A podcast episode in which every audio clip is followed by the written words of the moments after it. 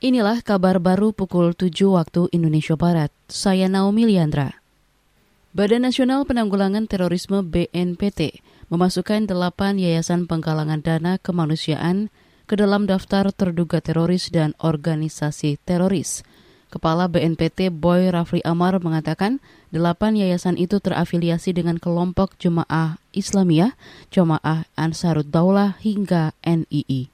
Antara lain namanya adalah Hilal Ahmar Society Indonesia, Muslimah Bima Peduli, Gerakan Sehari Seribu, Baitul Mal Al-Islah, Al-Haramin Foundation Indonesia, Baitul Mal Ummah, Abu Ahmad Foundation, Azam Dakwah Center. Kita harapkan tidak lagi melakukan aktivitas penggalangan dana karena sudah berkaitan dengan fakta-fakta dalam penyalahgunaan dana amal untuk kepentingan mendukung, memfasilitasi berkaitan dengan berkembangnya paham radikal terorisme. Kepala BNPT Boy Rafli Amar mengatakan, cara pengumpulan dana menggunakan kotak amal, yayasan kemanusiaan, penggalangan dana dengan dalih bisnis, crowdfunding, MLM, dan sebagainya. Ia juga mengatakan BNPT juga berupaya untuk ikut mengawasi transaksi berbasis mata uang digital atau kripto agar tidak dijadikan alat pendanaan terorisme. Ketua Perserikatan Bangsa-Bangsa Asia Tenggara ASEAN Kamboja akan mengundang junta Myanmar dalam konferensi tingkat tinggi. Dengan syarat sudah ada kemajuan terkait lima konsensus.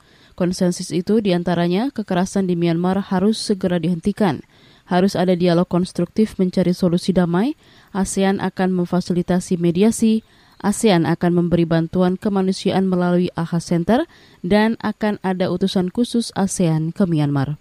Dikutip dari CNN, Perdana Menteri Kamboja Hun Sen mengaku akan berdiskusi dengan Kepala Junta Myanmar Min Aung Hyang melalui panggilan video hari ini. Sebelumnya, Myanmar berada dalam kekacauan usai militer mengambil alih kekuasaan pada 1 Februari 2021 lalu. Korban tewas akibat kekacauan politik ini mencapai hampir dari 1.500 jiwa. Saudara, empat petugas lembaga pemasyarakatan kelas 1 Tangerang didakwa dua pasal kealpaan atau kelalaian terkait insiden kebakaran yang menyebabkan kematian sejumlah narapidana.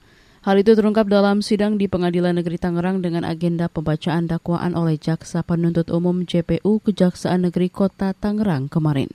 Pasal ini memiliki ancaman pidana maksimal lima tahun atau pidana kurungan paling lama satu tahun. Atas dakwaan ini, terdakwa tidak mengajukan eksepsi atas dakwaan jaksa tersebut dengan alasan memegang prinsip peradilan yang cepat. Diketahui kebakaran di lapas kelas 1 A terjadi pada 8 September 2021 pagi. Kejadian ini menewaskan 49 orang tahanan. Demikian kabar baru KBR, saya Naomi Liandra.